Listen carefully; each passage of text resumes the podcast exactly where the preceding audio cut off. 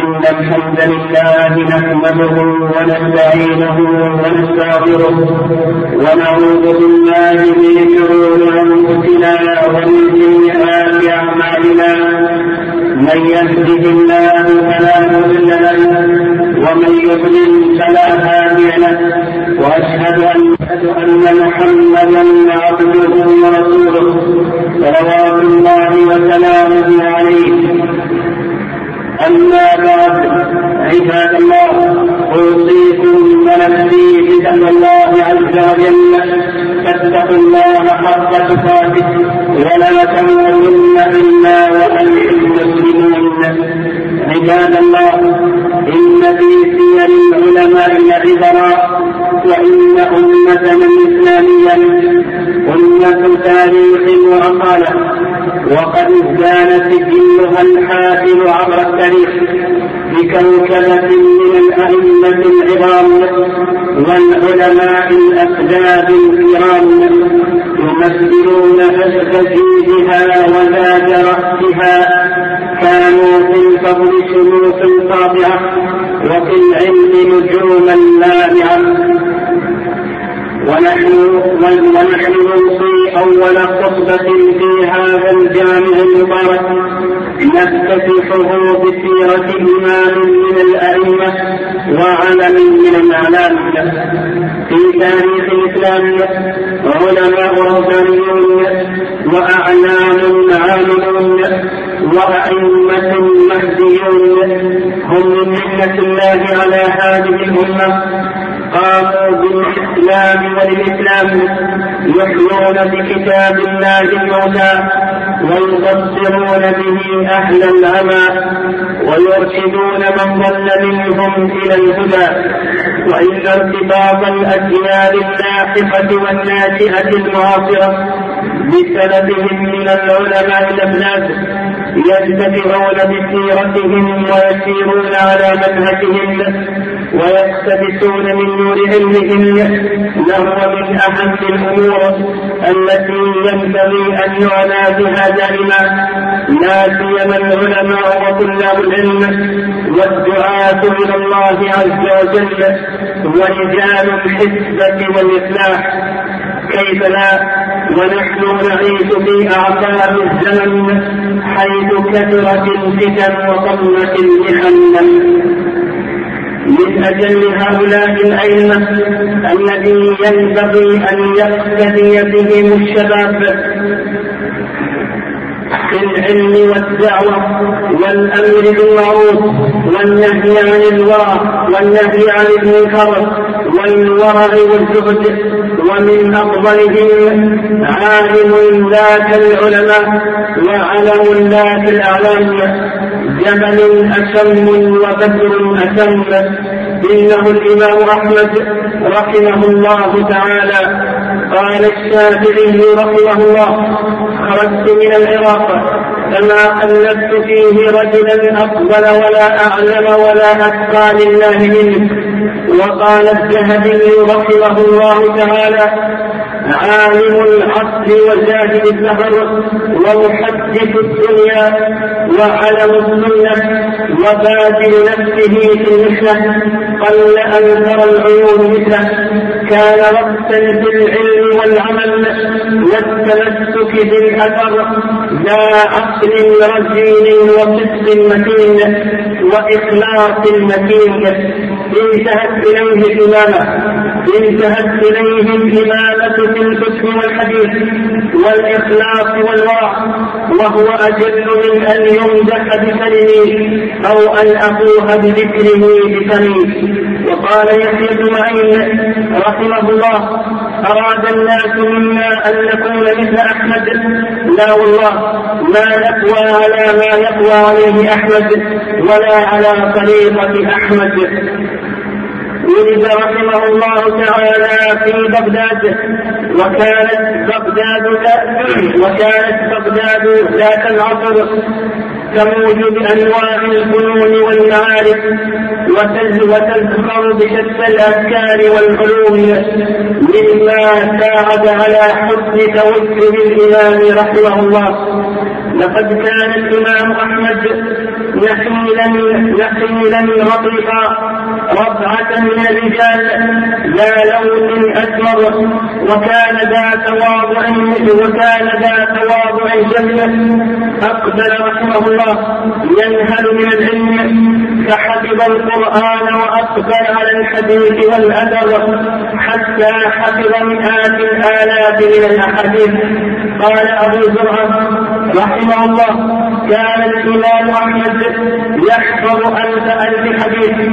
وما كتابه المسند إلا دليل على طول في علم السنة.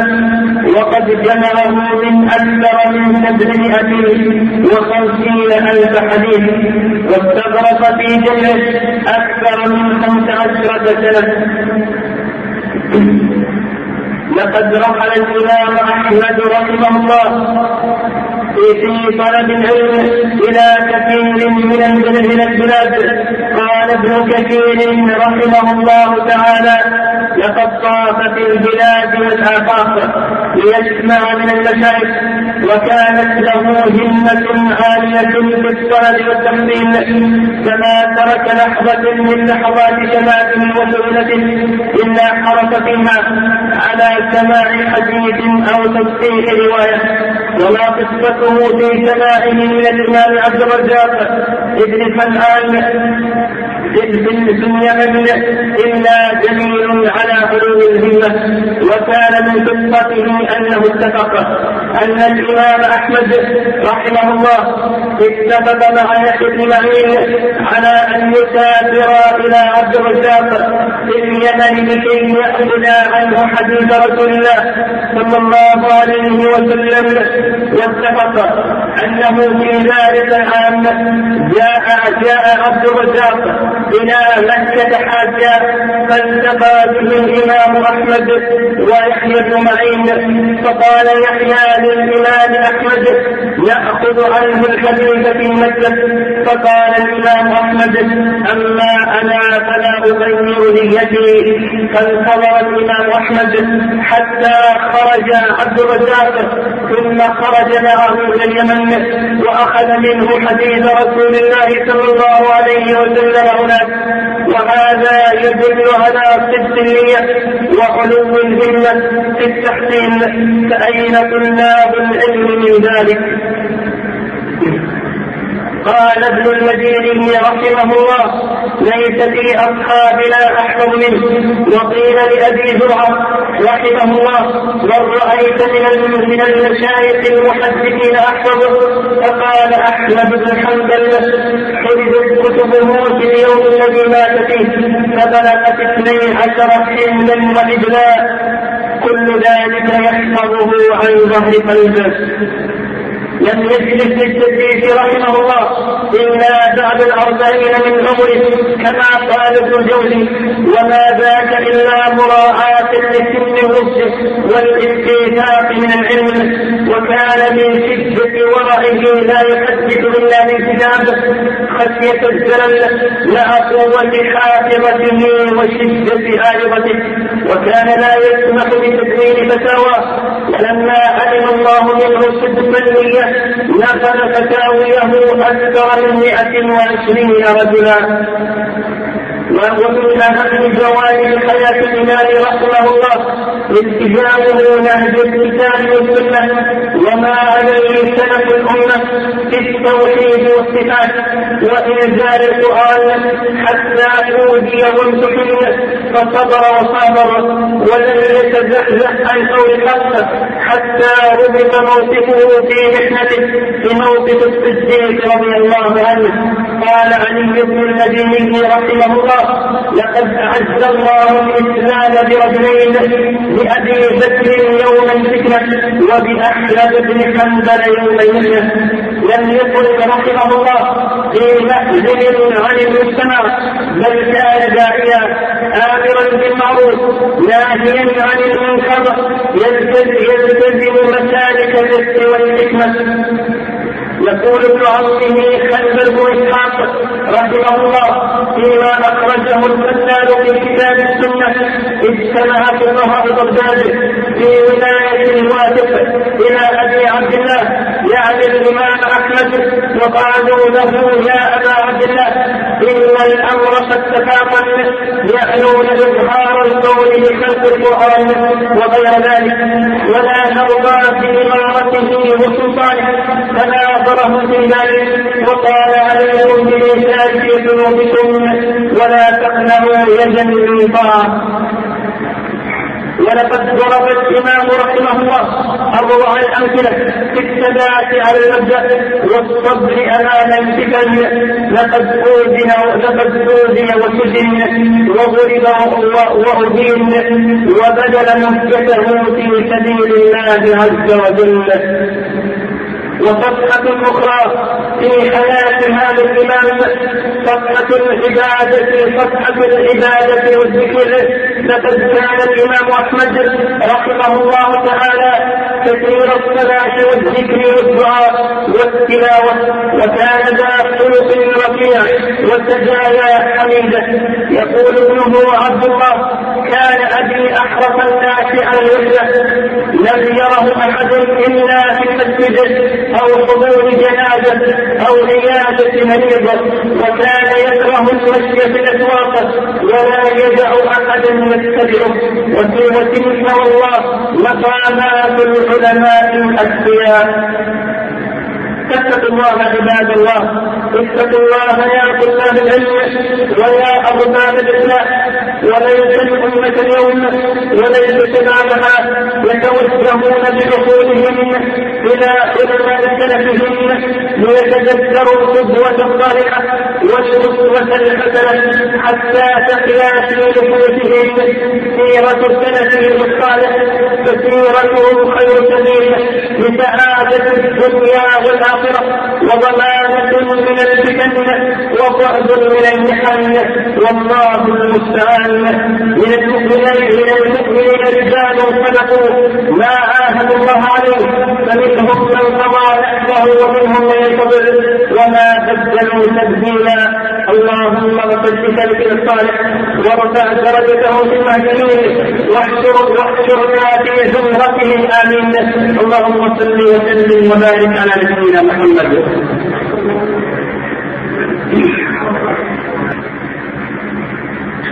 الحمد لله رب العالمين. الرحمن الرحيم. مالك يوم الدين. والعاقبة للمتقين. وأشهد أن لا إله إلا الله وحده لا شريك له. وأشهد أن محمدا عبده ورسوله. أكمل الله به الدين وأرسله رحمة للعالمين. واتقوا واتقوا يوما ترجعون فيه إلى الله ثم توفى كل نفس ما كسبت وهم لا يظلمون. إلا الأمة إذا لم تعتز بقاضيها وسمي لعلمائها ولم تفت من تاريخها وأمجاد سلفها ضيعت حاضرها ومستقبلها وسير سلفها الصالح شموع على طريق العلم والدعوة والإصلاح به يستفاد في تفتيش المسار وتوجيه المسير ولقد ضل أقوام جهدوا بسير سلف والتفتوا يمنة ويسرى يخبطون في شتى المذاهب ويتذبذبون بين جديد المشارب. ولو ردوه إلى الرسول وإلى أولي الأمر منهم لعلمه الذين يستنبطونه منهم. ولولا فضل الله عليكم ورحمته لاتبعتم الشيطان إلا قليلا. ومن الصفحات الرائعة في حياة هذا الإمام حياته نصرته وحسن عشرته لأهله وزوجه. يقول الإمام أحمد رحمه الله تزوجت مصالح. فأقامت معي ثلاثين سنة اختلفت أنا وهي في كلمة واحدة. ومن ورائه رحمه الله قوله وعند قول النبي صلى الله عليه وسلم لا ينفق المؤمن من جحر مرتين قال لا يعصي الله مرتين ومن مزايا خلق هذا الامام انصافه للمخالف وسلامة صدره للمسلمين وتقديره لأهل العلم وأن يحتمل اختلف معهم وقد اختلف مع الشافعي رحمه الله في بعض المسائل ومع ذلك قال ما رأت عيناي مثل الشافعي. وقال رحمه الله وإني لأجد الله للشافعي منذ أربعين سنة وبعد حياة حافلة وبعد حياة حافلة بالخير بجميع جوانبه قدم فيها الإمام رحمه الله جهده وجهاده وأيقظت الأمة الاعتزاز في الإسلام وشدة التمسك في السنة مرض رحمه الله بالحملة يقول ابنه عبد الله ولما حضرت الوفاة جلست عنده فجعل يعرف ثم يفيق ثم يفتح عينيه ويقول بيده لا بعد لا بعد ثلاث مرات ففعل هذا مرة ثانية وثالثة فلما كانت الثالثة قلت له يا أبتي إنك كنت كذا وكذا. فقال ما تدري هذا إبليس قائم الحداء عاق على أنامله يقول قدني يا أحمد وأنا أقول لا بعد حتى أموت. وقال ابن صالح جعل أبي يحرك لسانه في الشهادة حتى مات. توفي رحمه الله وله سبع وسبعون سنة وقد شهدت جنازته كما تقول كتب السيرة دموع لم يشهد مثلها. ومن آيات الإمام رحمه الله ما ذكره الذهبي.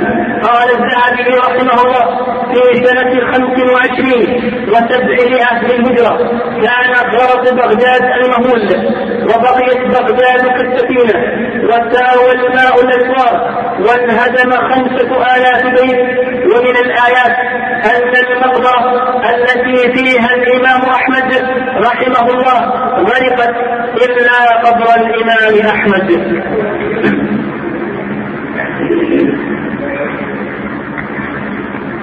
عباد الله.